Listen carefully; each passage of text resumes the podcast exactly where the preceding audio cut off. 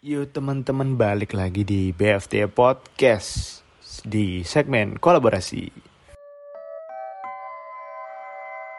Basement floor, thank you. Yuk kembali lagi di konten kolaborasi teman-teman. Udah lama banget ya kayaknya uh, BFT Podcast sudah me, ini nih mengundang tamu. Tapi kali ini pada hari yang cukup cerah ini, uh, syukur alhamdulillah uh, tamu yang saya undang ini sebenarnya teman lama ya, cuman ada kerjaan bareng, jadi kita uh, bekerja sama lagi ya, walaupun ada dendam di antara kita ya, Pak ya. Siapa tahu, lo nggak apa-apa ngomong aja nih, sok-sokan jaim ini teman-teman.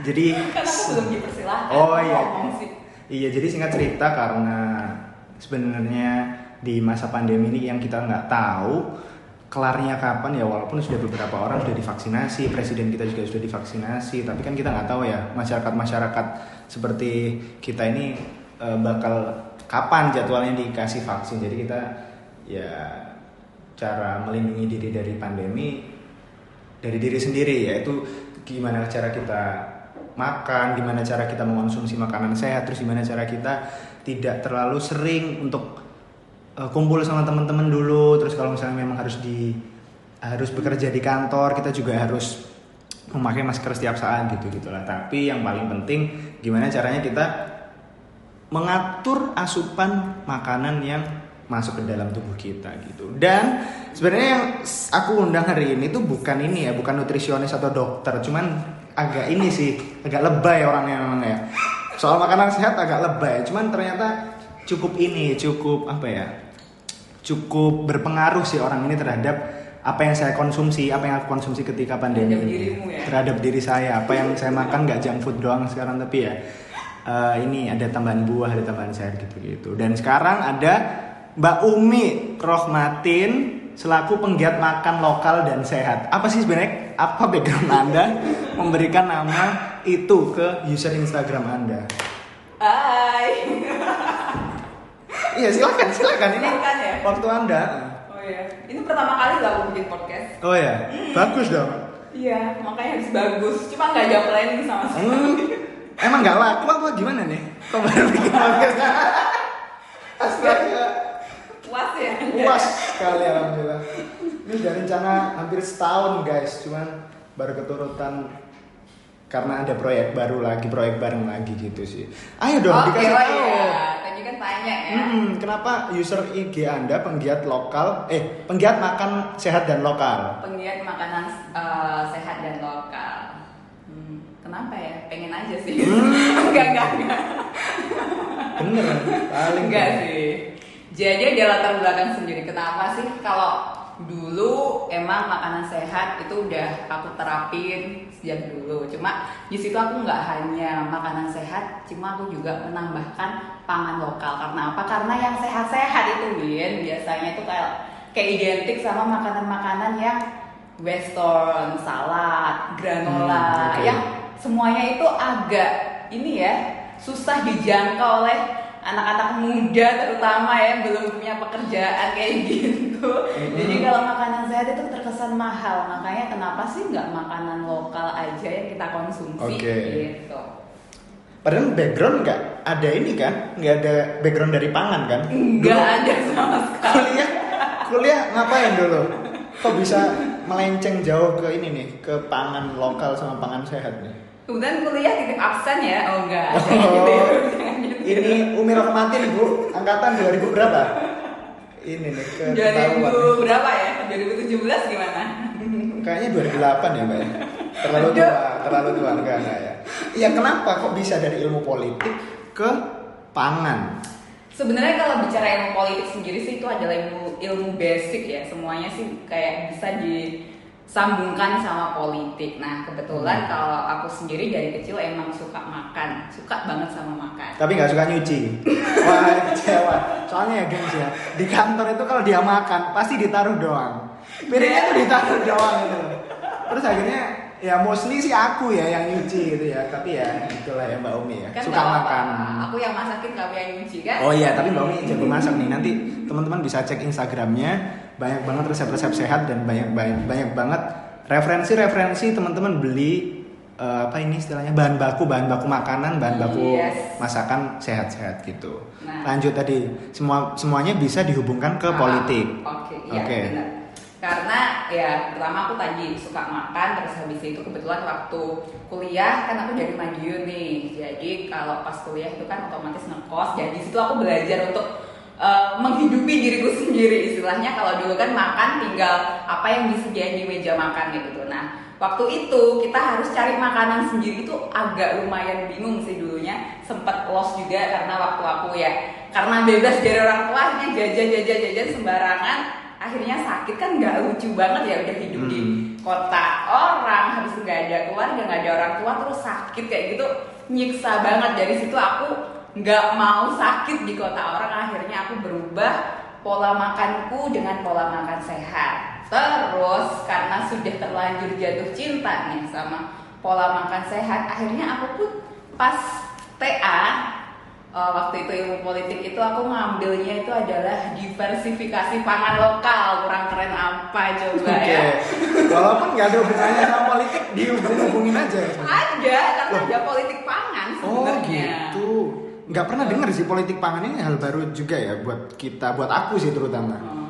Kalau boleh overview-nya tentang apa sih? Apa diferensiasi? Uh, diversifikasi pangan gitu kan kalau dalam ilmu politik kan sebenarnya kita mempelajari tentang ilmu kekuasaan ya gimana kita bisa uh, menguasai sesuatu. Enggak sih bukan. Ilmu kekuasaan sih.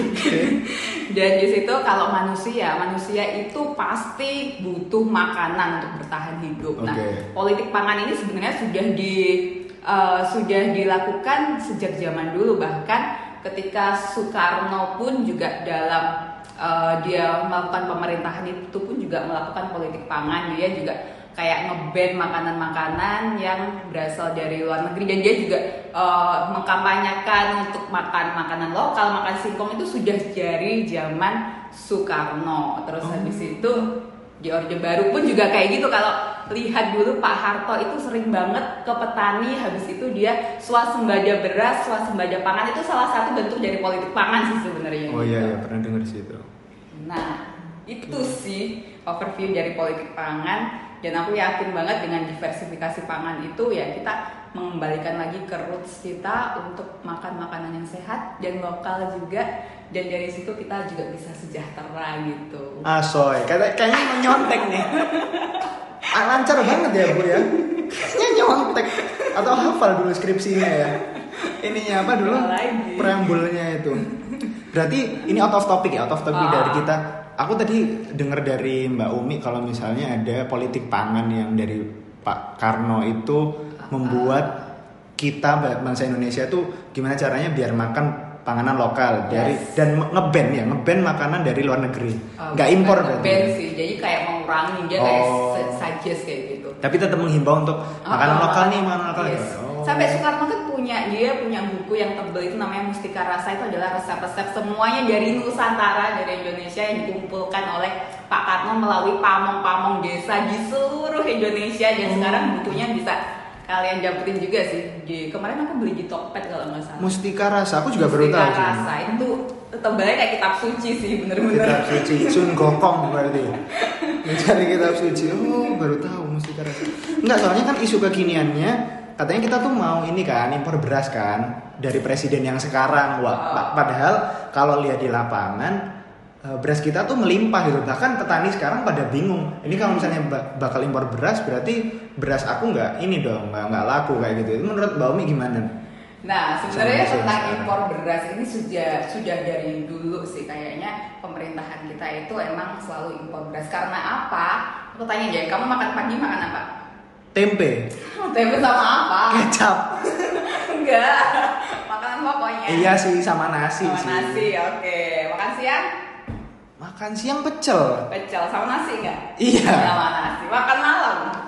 makan malam nasi sih nasi lagi juga. iya Ibumu gimana atau mamamu? oh papamu kamu nggak kalau mama papa ini sih nasi merah nasi nasi sama aja ya oke temenmu, adikmu, semuanya di sekitar kita ini tiga kali dalam sehari makan nasi. Bayangin Hmm. aja penduduk Indonesia itu berapa juta jumlahnya. Nah, dikalikan aja tuh sehari kali tiga dikali jumlah penduduk Indonesia ya bisa dibayangin berapa banyak kebutuhan beras yang harus dipenuhi oleh pemerintah Indonesia sehingga ya sebenarnya meskipun kita itu banyak menanam padi banyak menanam uh, menanam beras di petani-petani kita tapi hal itu tuh nggak mencukupi untuk memenuhi kebutuhan masyarakat sendiri makanya mau nggak mau ya akhirnya impor beras lah itu pemerintah sebenarnya impor beras pemerintah ya bukan salah mereka karena ya harus mencukupi kan kebutuhan hmm, pangan bener. dalam negeri. Jadi salah siapa dong?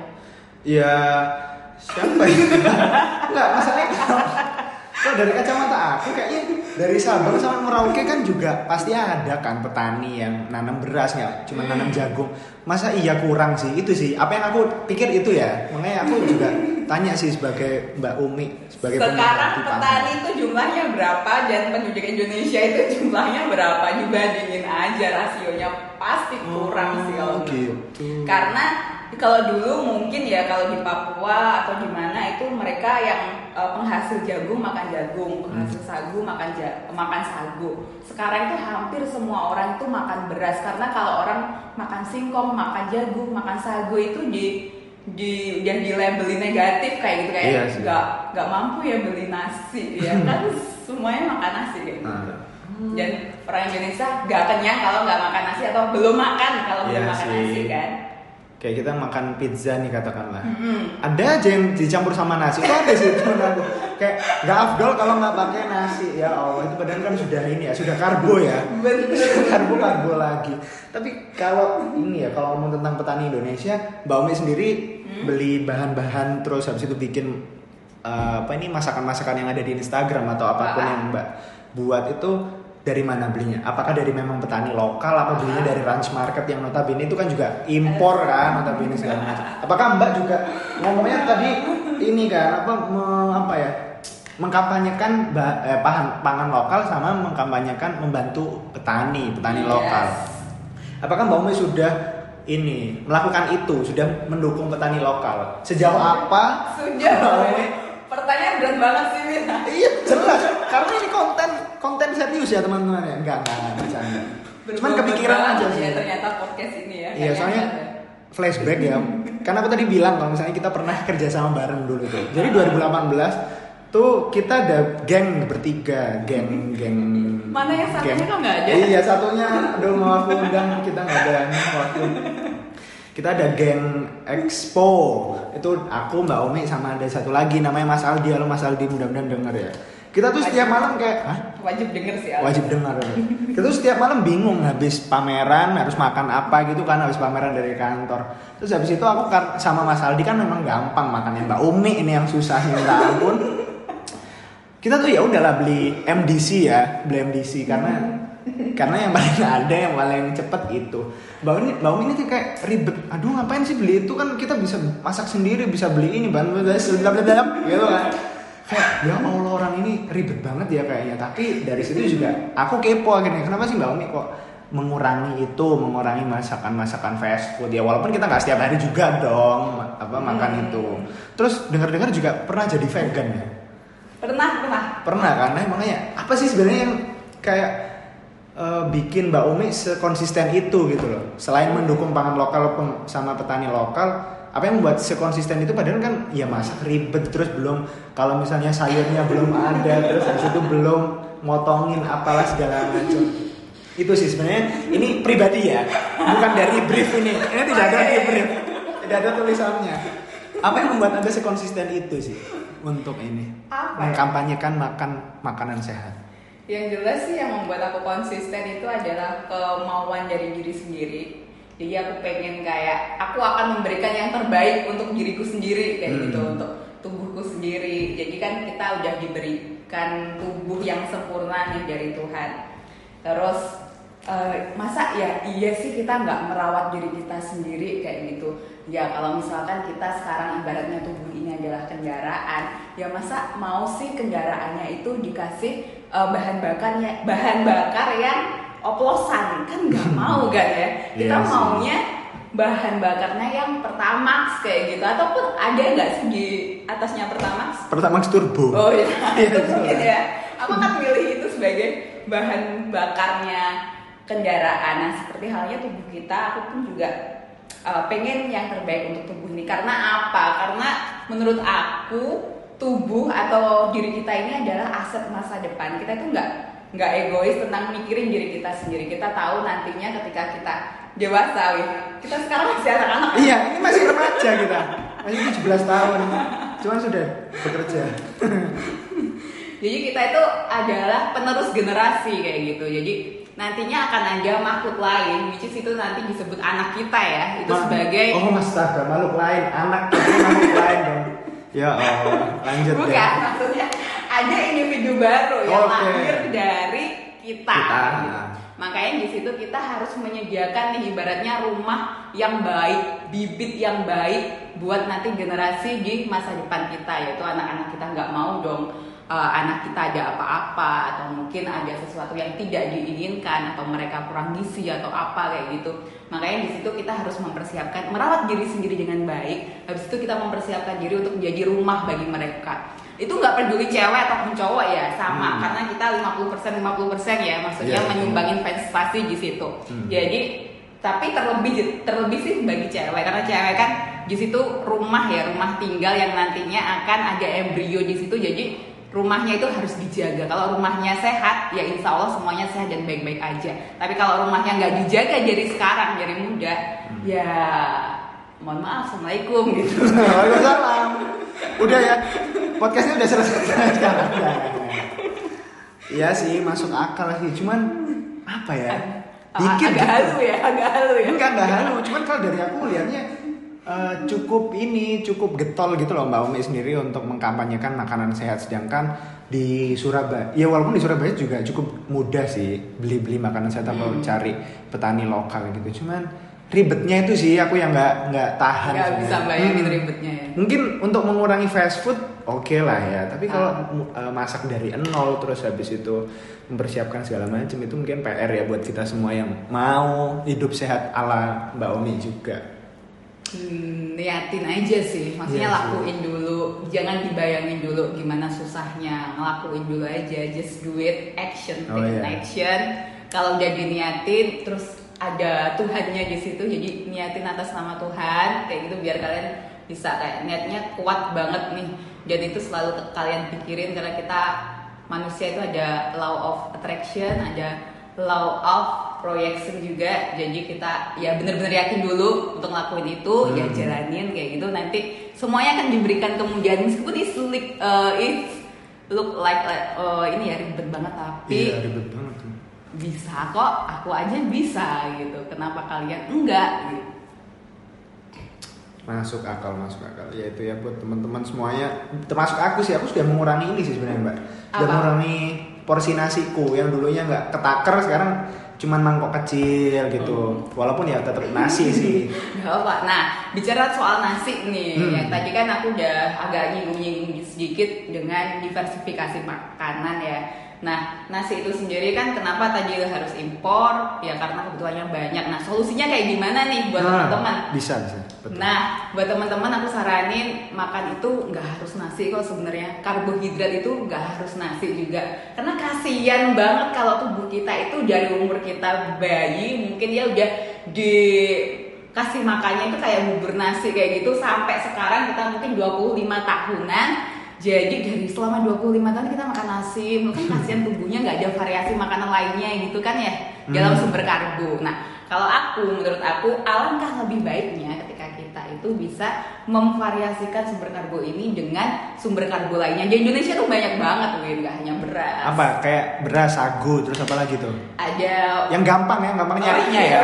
Mau Kalau nyari. di pasar itu biasanya kita ada ubi, ubi ungu, ubi yang kuning, ubi celembu itu juga sebagai sumber karbo. Kentang, kentang juga. Oke. Singkong kan? Oh iya, singkong. Ada ini ya, soft selling kantor. ya nggak apa-apa, masukin. Singkong. Tapi kalau singkong sama ayam kan nggak enak, Mbak. Maksudnya ubi deh, ubi cilembu. Terus habis itu kita makan sama pasti pasti rawon sama ubi Nah, kan ya. rawon sama ubi. Mana ada coba? Semua semua di mana? Ada rawon, ada nasi, ada telur asin. Nggak ada rawon sama ubi ya. Nanti dicoba ya teman-teman. siapa tahu ada yang suka bereksperimen atau Mbak Wi pernah ubi sama rawon nggak pernah kan? Enggak. Nah. Kan ada makanan-makanan tersendiri yang emang itu nggak bisa di mix ya kayak nasi campur itu bisa di mix misalkan nasinya diganti dengan nasi jagung bisa. Oh iya nasi jagung. Terus nasi apa lagi ya yang ada di Indonesia itu? Nasi merah. Nasi merah. Nasi merah itu asli Indonesia nggak sih? asli asli Indonesia. Oh, Jadi nasi gitu. itu ada beberapa jenis ada nasi cok, nasi putih, terus nasi coklat itu yang nggak dikupas kulit arinya. Kalau dikupas Oh, itu oke. jadi nasi putih. Kalau belum dikupas atau masih ada kulit, kulit arinya masih ada apa seratnya itu namanya nasi coklat, terus nasi merah sama nasi hitam. Gitu. Ketan berarti. Bukan. Lah. Oh, wah, saya kira, saya kira ketan. Nasi jagung shirataki itu juga bisa. Itu kan juga ada nasinya juga. Iya, tapi kan mahal itu, Mbak. Oh, jadi orang di sepuluh ribuan kok. Oh iya, Dan. Iya, yang Oh, wet itu kan sepuluh ribuan aja. Oh, bisa gitu ya? Bisa Enggak. tinggal pilih-pilih yang murah Hmm. aja. Mbak Umi sendiri sudah menerapkan itu berarti? Maksudnya nggak setiap hari nasi, Iya. gonta-ganti kentang gitu. Oh, alah. Tapi nggak kentang juga sih jarang. Gak Ubi kenapa gitu. nggak terlalu suka kentang sih. Oh. Ubi ya beberapa kali ubi. Paling sering shirataki atau pasta. Pastanya pasta singkong dong. Tahu Iya kan? bisa sih. Ya pasta singkong, ladang lima. Nanti masuk ya ladang lima. Dari tadi ngebet ini kayaknya mau masukin produk kantor ya udahlah nggak apa-apa nanti tolong Nggak. bosnya ladang lima masukin sponsor di BFT podcast oke. Iya, kasava pasta tuh enak memang. Enggak, aku based on experience aja. Semua yang aku ceritain di sini itu ya apa yang sudah aku lakuin selama Iya ini. sih. Iya makanya tuh kayak sekonsisten itu gitu loh. Aku kenal Mbak Umi kan memang udah dari 2018 kan. Ha. 2018 terus habis sampai sekarang 2021 kita udah tiga tahun walaupun ya sempet lost contact tapi kita akhirnya kerja sama bareng gitu kan. Nah sampai sekarang pun kayak gitu gitu loh masih ini Sama masih ya? sama dan masih ribet gitu. Loh. aku tipe orang yang setia gitu. Iya bener yang yang ini yang single tolong jangan tinggal single masih sekonsisten itu untuk menerapkan hidup sehat apalagi ya itu masak sendiri terus habis itu milih-milih bahan sendiri dan sempet ini kan sempet kerja sama sama petani lokal kan buat ini Oh, jual-jualan iya. barang segala macem gitu kan Betul sekali. apa jualan apa tuh kalau boleh tahu Beras. beras beras lokal iya kan beras lokal nah. Keren kan Bang kan Enggak, enggak, biasa aja sih. Enggak, aneh gitu loh. Kerennya lebih ke aneh ya. Ya in a good ways, cuman kayak gila nih orang konsisten banget padahal udah lama. Karena itu ya, tadi motivasinya karena sa- apa takut sakit di rumah orang. Oh, Di- sih. di kota itu, orang. Itu trigger aja. Oh, itu trigger, salah satu Itu trigger ya? Trigger. Oh, Oke oke. Trigger aja. Jadi aku mulai hidup sehat itu sejak kuliah kayaknya tahun 2013 14-an itu udah Oh, lebih lama lagi kan. mulai diet diet dulu dulunya sih nggak nggak sebersih ini dulu masih kayak oh nggak makan nasi oh oke oke oh olahraga oh ngejim ngejim jadi bener-bener trial error dari awal sampai sekarang gitu tapi mulai kayak kayaknya tuh udah menemukan jalan yang benar untuk hidup sehat itu tahun 2015 sejak ada Surabaya Sehat. Habis itu ketemu Kak Nisa juga yang di ladang 5 itu. Ya dari situ ya udah konsisten terus untuk menjalankan hidup sehat ini. Jadi Hmm. selain untuk diri sendiri aku pengen kayak orang lain itu juga bisa hidup sehat karena semua orang itu berhak untuk sehat Masuk. kamu juga berhak Iya, aku berhak untuk sehat dan sukses. Enak. nah sih Kalau Mbak sehat aja nggak apa-apa, nggak usah sukses. Jangan ya. Nggak, Sukses dua- ya. Iya iya dua-duanya amin. Tapi gitu itu ada gurunya nggak sih waktu Mbak memulai gitu? Apakah ya udah otodidak belajar dari internet terus habis itu cari-cari Ah. referensi sendiri? Apa emang ada temen atau ada gurunya buat ini? pertanyaan yang bagus ini kayak pinter ya yang gitu Jelas dong. BFT Podcast udah 2 tahun men, asoy. Tapi belum hype ya Belum apa ya. Tolong dong listenernya agak banyak ya. Teman-teman di share, di share, di share di teman-teman oke. Ayo balik lagi tuh. Ada gurunya nggak sih sebenarnya waktu memulai? Eh, dulu itu mulainya ya pertama kita belajar belajar dari internet terus habis itu kita gabung ke komunitas tuh nah dari Hmm. komunitas itu biasanya kita kayak ngadain acara atau ikut event biasanya itu kita kayak dulu itu ada ibu Janti dari Jogja itu dia eh, dulunya cancer habis itu menjalankan pola Oh, makan sehat oke. kayak gitu terus dia sudah sembuh sampai sekarang sehat banget bahkan lebih muda Jadi beberapa orang terus ada Pak Withari juga yang sempat ke Surabaya terus kita belajar di sana tentang food combining. Terus juga ada beberapa ahli-ahli juga sih kayak mereka yang sudah sudah menerapkan pola hidup sehat kayak sudah expert kayak gitu ya akhirnya dari situlah kita saling berbagi pengalaman saling bertukar cerita saling belajar juga. Makanya dulu sempet aku vegan juga ya gara-gara Hmm. itu gitu kan. Istilahnya healthy journey ya. Jadi aku kayak mencoba sebenarnya apa sih yang aku butuhin apa sih yang tubuhku cocok kayak gitu. Jadi sempat vegan ternyata nggak cocok dan menurutku juga tidak eh, menerapkan pola hidup keseimbangan ketika aku vegan. Jadi ya aku kembali untuk ke akarnya lagi. Jadi kita makan makan yang sehat makan makanan yang real food seperti bentuk aslinya makan daging oke makan ayam pun oke cuma ayam yang bagaimana? Daging yang gimana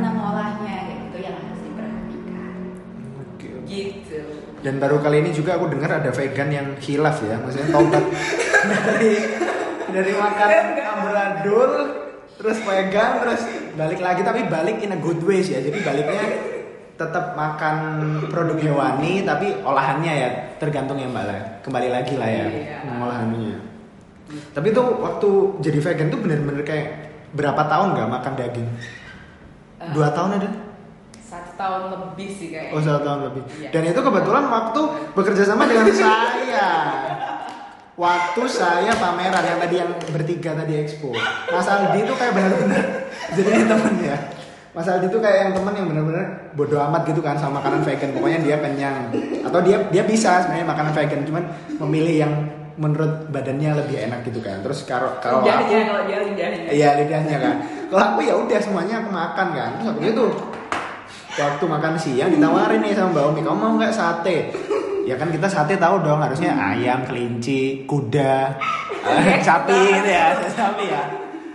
Ternyata waktu aku coba tuh rasanya emang beda, cuman nggak nggak jauh-jauh beda dari daging gitu ya. Terus waktu aku tanya, ini emang sate apa Mbak Umi? Gitu. Ternyata sate jamur ya. Jamur. Jamur. waktu vegan itu parah sih ininya apa influence-nya ke orang-orang tuh kayak ini cobain harus cobain. Iya kayak gitu loh maksa gitu loh. Sampai ya Allah. Tapi sekarang sudah cukup inilah Mbak Umi kayak sudah cukup lebih dewasa gitu. Oh ini iya nggak maksa. Tapi tetap nggak nyuci piring gitu. Itu yang masih jadi masalah teman-teman. Kan kita begitu enggak iya sih benar. Berarti satu tahun setengah apa satu tahun ya? Satu tahun lebih sih aku lupa sih. Makan. berapa. Itu apa efeknya? Kayak efeknya. kan ya bener sih kan soalnya aku mendengar ini sih. Ya dari agama yang aku anut itu kan kita juga ada yang namanya kurban itu kan Yes. yang Nabi Ismail ya kalau nggak salah. Kok? Iya ya Nabi Ismail kan yang dikorbankan sama ayahnya karena dari ini dari perintah Allah. Dan berarti kan kita sebagai manusia berhak makan daging kan berarti. Betul. nah itu aku makanya kenapa masih bertanya-tanya sebenarnya vegan ini panutan dari mana gitu loh. Kok bisa dia kayak menjaga ini menjaga apa menjaga hewan kasihan hewan. Ya memang hewan tujuannya selain dipelihara atau mungkin di alam bebas menurutku juga bisa kita konsumsi walaupun nggak semuanya kan. Itu apa sih efeknya? Kalau misalnya kita ya kita Ah. nggak mengonsumsi produk hewani itu apa yang mbak rasakan waktu itu waktu sebenarnya kalau manusia sendiri ya secara alamiah tuh dia tetap memerlukan yang namanya protein hewani karena Oke. ada beberapa asam amino yang nggak didapetin nih eh, lewat tumbuhan dan harus sumbernya itu lewat hewan. Nah ada beberapa yang kayak eh, harus kalau misalkan dia vegan harus dua kali lipat nih eh, si proteinnya ini untuk kayak menyetarakan biar Hmm, dia iya itu tetap tercukupi asupan gizinya gitu. Terus yang dulu aku rasain ketika aku vegan, mungkin aku vegan yang ini ya. Maksudnya karena makanannya cuma kayak jamur, terus tempe, tahu yang itu sangat sangat terbatas dan gak tercukupi menurutku untuk Hmm. kebutuhan nutrisinya. Jadi waktu itu ya kalau masalah berat badan tuh turun banget sih. Maksudnya kayak ya sampai sampai turun banget. Terus kalau masalah yang lainnya itu di kulit biasanya. Nah, kalau kulit aku breakout banget waktu 2018 itu 2017 2018 lah. Itu aku breakout banget terus habis itu kulit itu kering banget. Jadi secara secara fisik oke tapi secara kayak penampilan kulit kan eh, ini kan maksudnya bentuk luar dari tubuh kita yang bentuk apa nih ya terluar kayak Ya, gitu ya fisiologis. Hmm. jadi kelihatan banget nggak sehatnya kayak gitu padahal Oh, makanya udah gitu. sehat I see, I see, I see. Oh, Itu yang ngaruh pas. ya berarti iya ke ini. Gila tuh. Gila. Ya tapi kita eh sorry sorry. Nggak, Ah, nggak. nah ini kebiasaan ini. Kalau mau ngomong disilahkan malah nggak mau. Ayo apa? Mau ngomong apa mbak? Enggak sih, aku cuma mau ngomong kalau masalah makan sehat ini juga ngebentuk banget di mental kita. Selain uh, fisik yang lebih sehat ya. Aku tuh dulunya kalau secara fisik dulunya sering banget kayak mah kayak gitu. Mesti kamu aku punya tipes dari kecil itu aku punya tipes dari SD ya. Jadi setiap tak satu tahun sekali itu mesti kambuh. Jadi itu setiap satu tahun sekali sampai dewasa sampai remaja gitu. Terus mah itu hampir setiap bulan. Jadi aku harus jual ke rumah aku butuh obat kayak gitu. Nah eh, setelah hidup sehat itu ya itu nggak pernah sama sekali tipes, nggak pernah kambuh lagi. Mah juga karena kayaknya nggak nggak ada suaranya gitu. Jadi eh, sakit itu kayak misalkan flu paling eh, satu tahun dua sampai tiga kali kayak gitu. Hmm. Jadi kayak ya ini adalah kondisi prima banget. Terus di masalah mental dulunya itu jauh dari sekarang. Jadi dulunya itu sangat ambis banget anaknya terus emosional banget. Meskipun paling sekarang ada ya gitu ya. Ah, tapi dulu itu gila banget sih dulu. Kan aku dulu juga pemakan segalanya kan jadi setelah kayak belajar makan sehat itu agak kalem aja sih anaknya gitu nggak seambis dulu dan sampai saat ini pun juga masih belajar juga hmm, itu tuh. Makanan memengaruhi mental health kita, teman-teman. Jadi apa ini? Jagalah bukan jagalah apa ya? Awasi. Jadi itu semua tergantung teman-teman lagi lah. Kembali lagi ke teman-teman. Apa pun yang kalian makan itu hak kalian. Cuman alangkah baiknya kalau misalnya bisa mencegah yang kurang baik masuk ke badan kita gitu. Iya. Terus apa lagi ya? Aku lihat catatan ya. Kayaknya speechless gara-gara ternyata gitu ya ceritanya Mbak Umi yang aku belum tahu bahkan kita baru tahu bareng Oh iya? Iya, maksudnya kan dulu aku taunya waktu vegan kan. Kayak makanya aku takut gitu loh kalau mau makan selain ini, selain tanaman-tanaman gitu harus sembunyi-sembunyi sama Mbak Umi. Makan ini, makan daging, makan ayam gitu-gitu. ingat gak sih makan McD-nya pakai nasi merah Iya, itu, itu aneh guys rasanya anjay. Sumpah aneh banget rasanya. Cuman ya gimana lagi ya? Kan saya ini nih tidak suka hal-hal mubazir. Jadi ya mau nggak mau gimana gimana harus ngabisin itu. Tapi pernah bosen nggak sih, Mbak? Jadi lifestyle tapi kan sekarang udah cukup imbang kan ya, maksudnya cukup imbang dengan daging oke, tanaman Iya. eh, apa tanaman sayuran oke gitu kan. Ah. pernah bosen pernah bosen nggak bosen ya bosen dari nyiapin lah bosen dari cari inilah Oh, cari iya, bahan iya. baku kan susah kan kalau misalnya Ah. organik atau gimana gitu gimana Eh, sebenarnya eh, ada waktunya ketika aku nggak masak kayak gitu aja sih bahkan aku kayak sekarang agak jarang banget masak dan saat aku nggak masak itu akhirnya pilihan makananku apa sih? Sebenarnya di Indonesia ini sangat kaya sekali dan banyak banget pilihannya. Jadi kalau misalkan aku nggak masak aku biasanya cari kayak misalkan ikan bakar kayak terus habis itu ada urap ada nasi jagung that's my favorite. Oke. Nasi jagung ada urap-urapnya ada terongnya ada ikan asinnya juga. Itu kan sumber protein juga jadi cukup mudah sih menemukan sayuran-sayuran kayak gitu dan diimbangi dengan ya makanan yang bergizi. Kayak misalkan ya yang kayak di bake aja ataupun yang dikukus. Aku biasanya kalau makan pempek itu aku rebus aja atau aku kukus. Pem oh ya pempek direbus? Pempek kapal selam kapal selam itu kan? Iya kan? Dire oke. Ya itu preferensi ya teman-teman ya. Itu preferensi masing-masing jadi Bisa tinggal ya? pilih-pilih aja sih Hmm. gampang kok hidup sehat itu gampang dan mudah sekali Iya sih. Tuh kalau misalnya uh, Ah. sekarang kan udah dimudahkan dengan GoFood dan Grab lah. Ah. Ada nggak sih langganan makanan sehat yang kira-kira kalau misalnya Mbak lagi bosen terus habis itu pesan ini aja lah. Kalau misal malam-malam nih masa ada orang in- ini ibu-ibu jual nasi jagung? Nggak ada kan?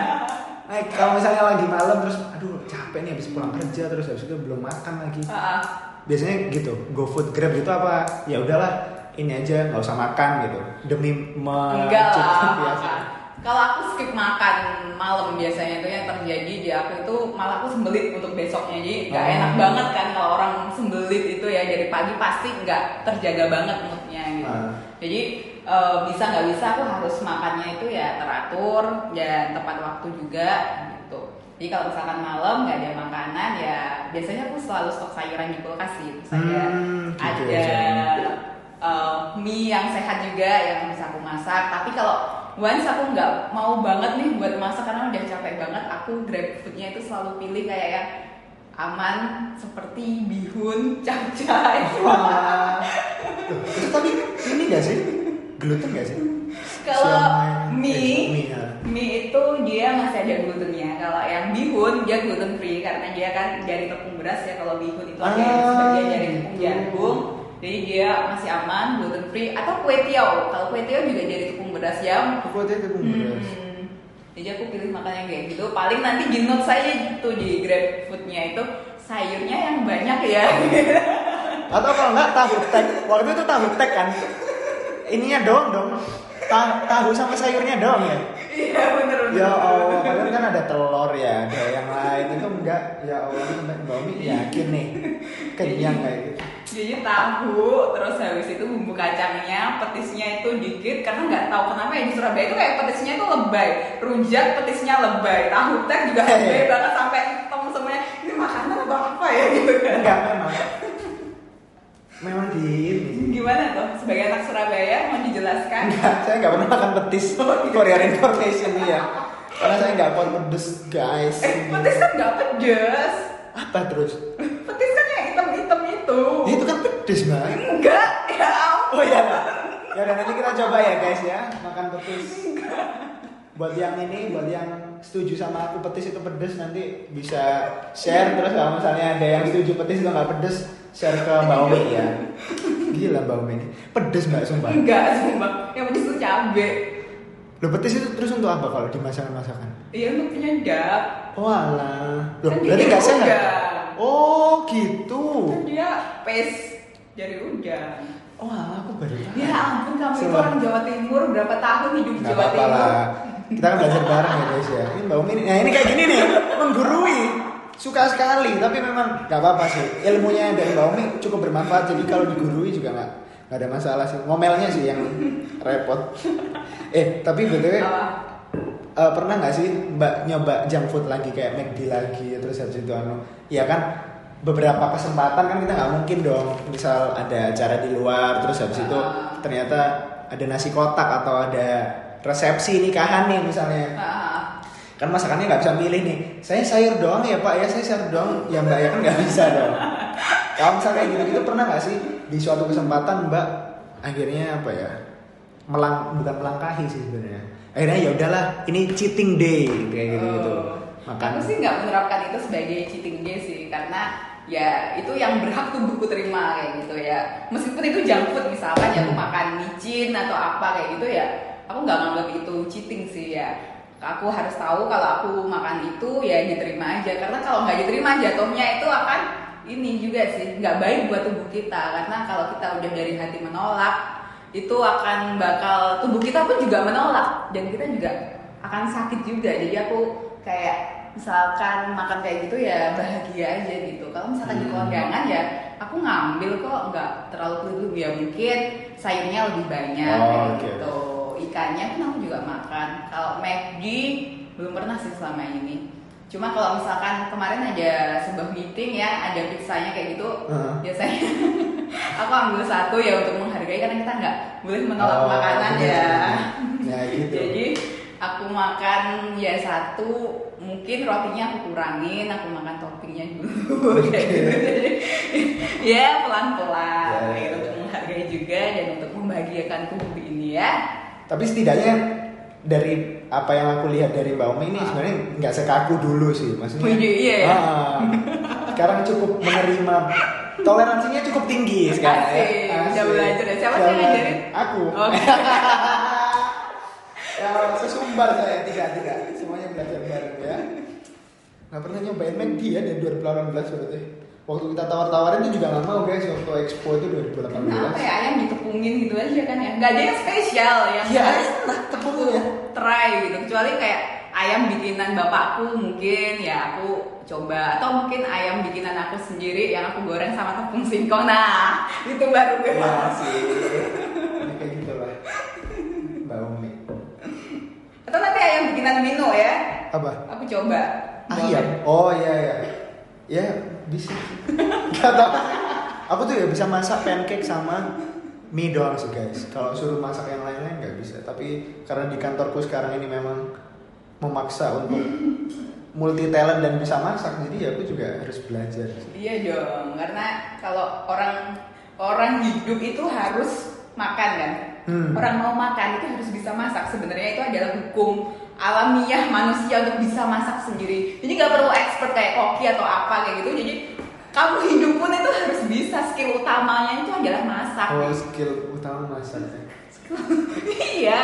berarti nggak ada ya yang kayak apa orang hidup untuk makan kalau mau makan ya nunggu kan ada grab sama gojek ya nih ribet ribet mbak Umi tuh ya Allah tapi aku suka ini sih konten-konten yang mbak Umi di Instagram tuh banyak Asik. Banyak banget makanan sehat yang bisa aku contoh kadang itu waktu yang nasi merah sama apa gitu loh sayurnya apa aku lupa itu pernah aku minta tolong mbakku gitu mbak aku minta tolong dong masakin kayak ini kayak gitu Iya really? Iya. Wow. Tapi nggak semua.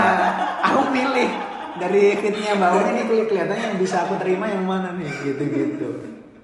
Nah karena kita udah mau masuk ke segmen terakhir segmen, padahal nggak ada segmen-segmenan di Emang catatannya. ada segmen apa aja sih? Segmennya ini tanya jawab, games Heeh. tanya jawab Eh, lagi. Terus gamesnya mana? Nah ini gamesnya ini nih. Aku ada tiga, total enam sih, enam enam kata. Nanti cepet-cepetan Mbak. Mbak pilih yang mana nih? Jadi kan aku gak pernah main games kayak gini. Nggak harus harus main. Eh, bentar ya, aku nulis. Baru bikin games ya. Enggak lah, enggak lah. Semuanya spontan ya. Enggak lah. Udah oke. Siap Nomi. Jadi aku nanti misalnya kasih ini nih, kasih contoh ya. Misalnya keju sama coklat, Mbak Umi lebih prefer mana? Misal Oke. coklat, oh ya udah Mbak Umi suka coklat kayak gitu gitulah ya. Contohnya gitu. Tapi ini ada empat empat empat pasangan kata Pasangan- nanti. Oh pasangan kata, keren Hmm, pasangan yang selain. Enggak, baper nih. Tolong yang single, yang single. Enak. Padahal dia sendiri guys. Ya Allah. Ayo ya. Eh, kata pertama, donat atau kentang? Kentang dong. Oh, Donat kentang. kentang boleh nggak? Enggak boleh. Sapi atau almond? almond. Wah, kacau sih. Gandum atau beras? Beras dong, beras Indonesia. Pizza atau pasta? Pasta. Aduh, oke. Sehat sekali ya pilihannya. Sih? Kentang, almond, beras, pasta. Oke. Cukup menggambarkan se Kentang atau donat ya tadi ya?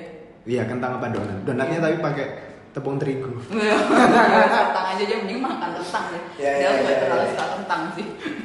Cukup mencerminkan betapa sehatnya Mbak Umi dari pilihan games ini. Asik. Gamesnya seru banget sih ya. Seru banget ya, ya. Baru dibikin 15 detik yang lalu. Wow. Wow, wow, wow, wow, wow. Duh, udah lama. Eh, iya, iya, ini pertanyaan terpenting nih, pertanyaan terakhir.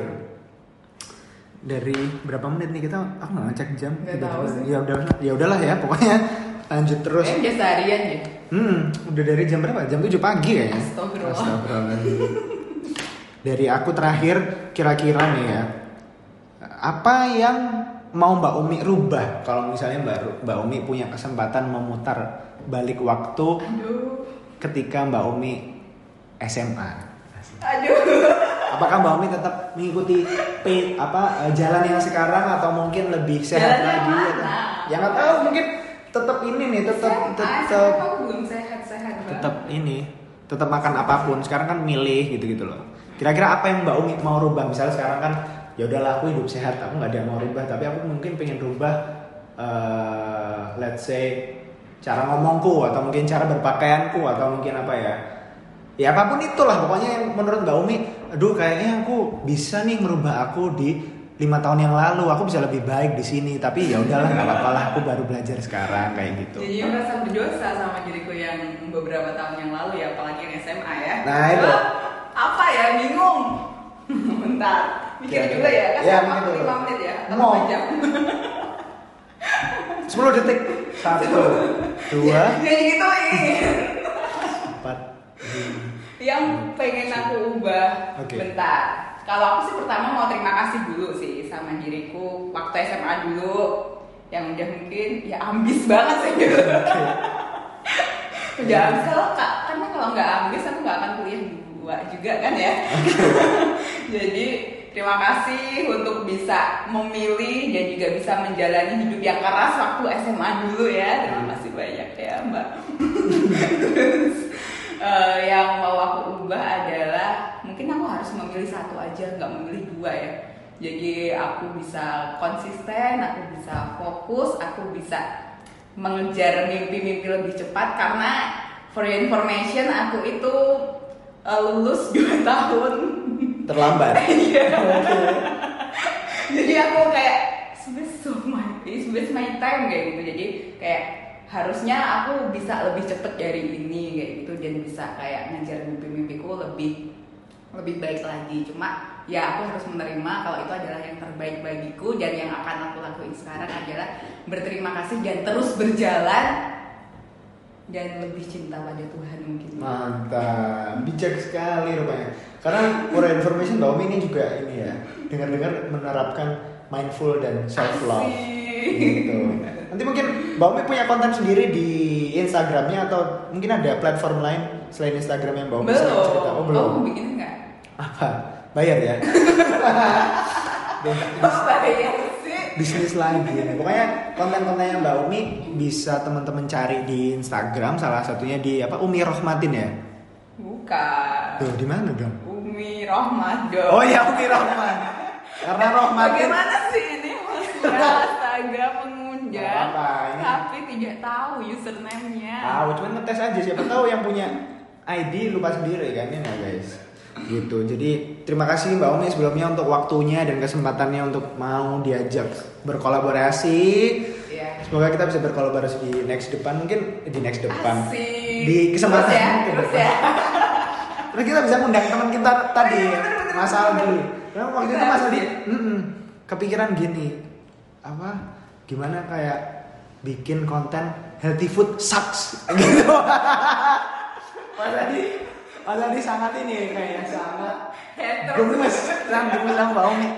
Karena se ini sekonsisten itu Mbak Umi. Tapi ya gitu. Ternyata sekarang Mbak Umi syukur alhamdulillahnya udah cukup ini Mas. Udah bisa inilah apa sudah cukup seimbang Heeh, jadi diajak mau makan daging mau diajak makan protein yang agak tinggi mau jadi mimpi kita terwujud mas Aldi biar Mbak Umi makan ayam lagi gitu dari Mbak Umi kira-kira ada yang mau disampaikan sebelum kita tutup Aku sih terima kasih banget sama Wino karena ini adalah pertama kali aku bikin podcast ya dan Asik. itu kayak impian aku banget sih aku bisa ngomong kayak gitu. mantap Karena selama kalau di Instagram kan cuma kayak foto aja atau mungkin story hanya tulisan aja dan kalau di sini bisa ngomong dengan leluasa ya tanpa sungkan juga. hmm, karena apa pun yang diomongkan yang tanggung jawab saya ya gitu Dan ini tanpa brief saudara. karena brief ya Jadi semuanya spontan. Jadi Semuanya senang banget sih hari ini bisa ngobrol bareng juga dan mudah-mudahan bermanfaat buat teman-teman yang selainnya. Hmm. Kalau aku pesanku buat teman-teman yang masih muda-muda nih khususnya ya yang dengerin podcast apa? BFTW, ya, Basement Floor Basement Tank. Floor Thank you. asik yang masih muda-muda kalian kalau misalkan oh masih muda kenapa sih kok nggak makan yang enak-enak aja? Kenapa nggak dipuas-puasin? Justru karena kalian masih muda kalian harus menjaga diri kalian karena ingat kalian adalah nantinya sebagai rumah sebagai masa depan generasi selanjutnya. Jadi kalian harus jaga diri kalian baik-baik untuk generasi yang lebih baik juga setelah kalian nantinya. Asik. Penutupan ini so far paling keren sih. Kayaknya ya. Kayaknya. kalau kamu nggak percaya sih sama gue Selain penutupan saya, soalnya penutupan saya kayak bingung linglung apa ya, mau nutup apa ya. Kesimpulan sudah itu. Keren-keren Mbak Omi. Terima Just do kasih. it, jangan ragu. Pokoknya Siap. lakuin action, take an action enggak. Jangan kebanyakan ngomong. Asik. Nanti kalau misalnya no mau ini belajar apa ini belajar hidup sehat bisa kepoin aja ya Instagramnya Mbak Umi Umi underscore Rohma. iya. Dan Gitu. kalau buat mau belajar lebih kalem lagi, aku juga belajar loh dari Wino dan podcastnya untuk lebih kalem lagi ya. Asik. Ternyata didengarkan alhamdulillah. Iya, alhamdulillah ya ada yang dengerin ya. Terharu saya ya Allah. Oke, kita kasih privilege ke Mbak Umi buat nutup episode kali ini yaitu bilangin nanti ya. Terima kasih teman-teman. Sampai lagi berjumpa di next episode. Don't hate just spread. Aduh, dong, nggak bisa. Bisa, bisa. Ayo katanya mau bikin platform konten yang lain. Panjang banget namanya. Yang pokoknya terima kasih, don't hate, just spread the love gitu mbak. Eh silakan Mbak Umi. Spread, Ah, spread the love. spread the love. Don't hate, just spread the love. Oke. Don't hate, just spread the love. Bisa Eh silakan Mbak Umi. Oke, terima kasih buat teman-teman yang udah dengerin podcast hari ini dan don't hate and spread the love. Oke mantap, terima kasih Mbak Umi. Sampai berjumpa di kesempatan lainnya. Ya. Terima kasih teman-teman.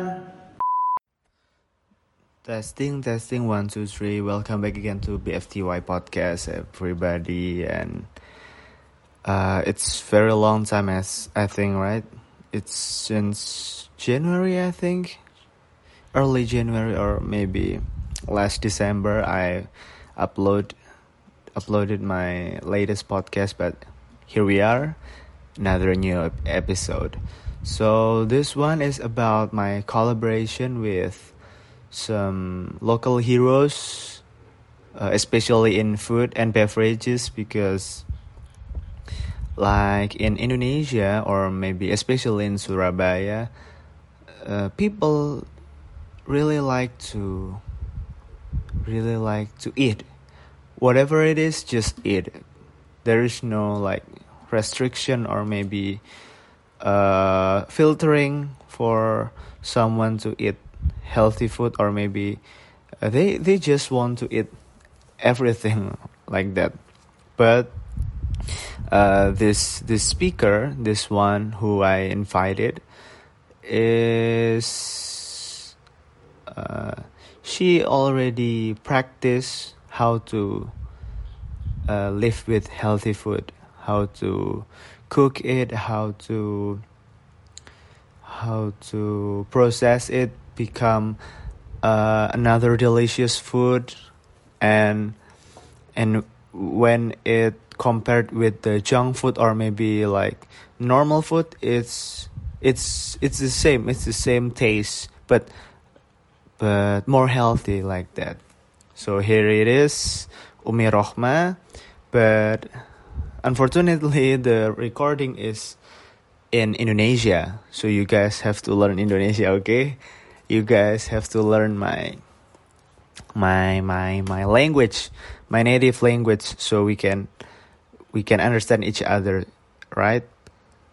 So maybe I just I mean I just um I just tell you about my conversation or maybe my interview with Umi Rohma. Why she why she's so uh, happy about living with healthy food. Why is she uh, really encourage people to eat healthy food? Because in this pandemic era, uh, people uh, is forced to stay at home. No going outside, no a meeting with a friend or maybe colleague.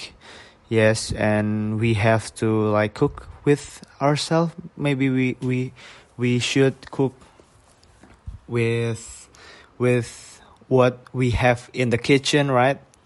But for the lazy person like like me, maybe I just order with the the application within the application.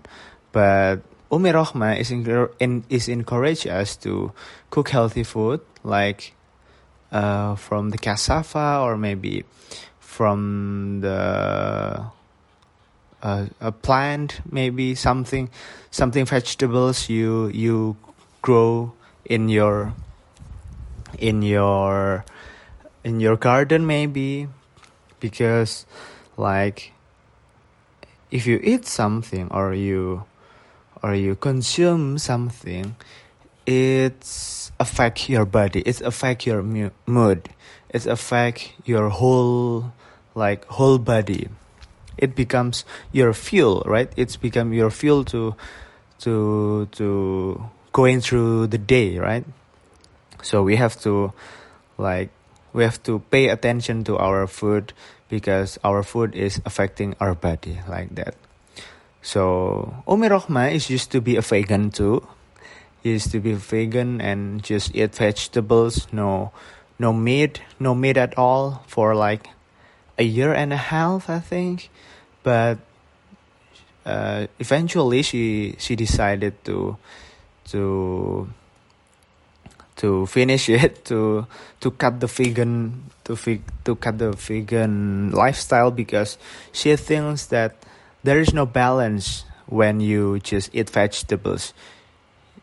Uh, we we as a human still needs uh, meat, maybe from a cow, maybe from a sheep or a lamb, because uh, their their protein is important for for us as well, like that.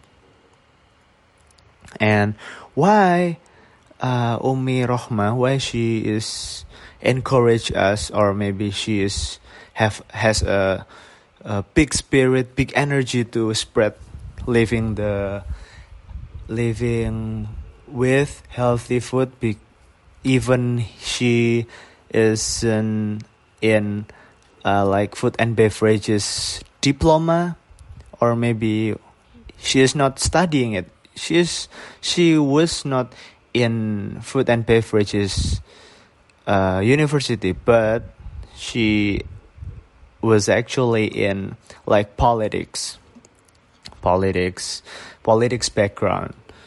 So she explained to me that when she uh, wrote her what what is it like like like final thesis like final project for for her graduation she told that there is some uh, some like uh, i think there is some there is some serious serious stuff or maybe serious wait a minute i will i will translate it ah there's a real serious relationship about politics and food because like in indonesia the former president like tend to cut the import food from from another country because in Indonesia there is so much food there is so much uh, vegetables there is so much like sources for for for for the for our people to eat but but some executives is force the president or maybe I don't know I don't know exactly but uh, there is some people who wants to import the the food from another country because I don't know, but maybe they think uh, the food from another country is better from the Indonesia, but there is no such like proof, scientific proof that from uh, that the food from another country is better than Indonesia. All the food in the world, I think, is good for for for all of us. Then uh, the the former president is like making a program that how to encourage people to eat our local products like that. So there is such a politics in it. I don't know the details but umi uh, but she yeah umi rohma is is tell told me that so i just oh that's why you you really want to you really want to encourage people to eat healthy food but there is more reason there there is uh, one reason why she wants to uh, all the people in Indonesia especially to eat healthy food because she is she comes she come from from Madiun is like another part of East Java, and then she uh, studied in Indonesia eh, in Surabaya. So she just moved from Madiun to Surabaya, and in Surabaya she doesn't have any family. She doesn't any close friends. So she live alone. She live by herself.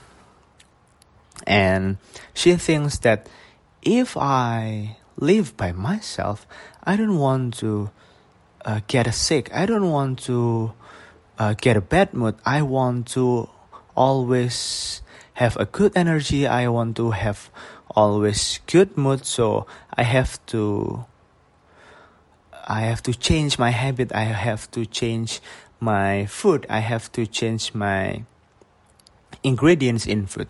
So that moment umi rohma start to start to change her habit like that. So when when when she start she doesn't start alone. But yeah she she studied uh, a healthy food like by herself but she joined a community. She uh, learned from like the like her teacher i think maybe? Like that yeah sort of. And then she learned from from another region to another region to to know about how to get a healthy food healthy food from Indonesia or maybe healthy food from Surabaya. It is easy or not? Is it uh, expensive or not? But the truth is it's not expensive and it's not hard to get the healthy food but you have to try and you have to like search uh, with with with spirit i think. So yeah that that's why she continued to to cook by herself she try, uh, she continued to uh, cook by herself and make it really healthy like that but we and umi is human after all. We are all, we are human after all, right? We all are is human.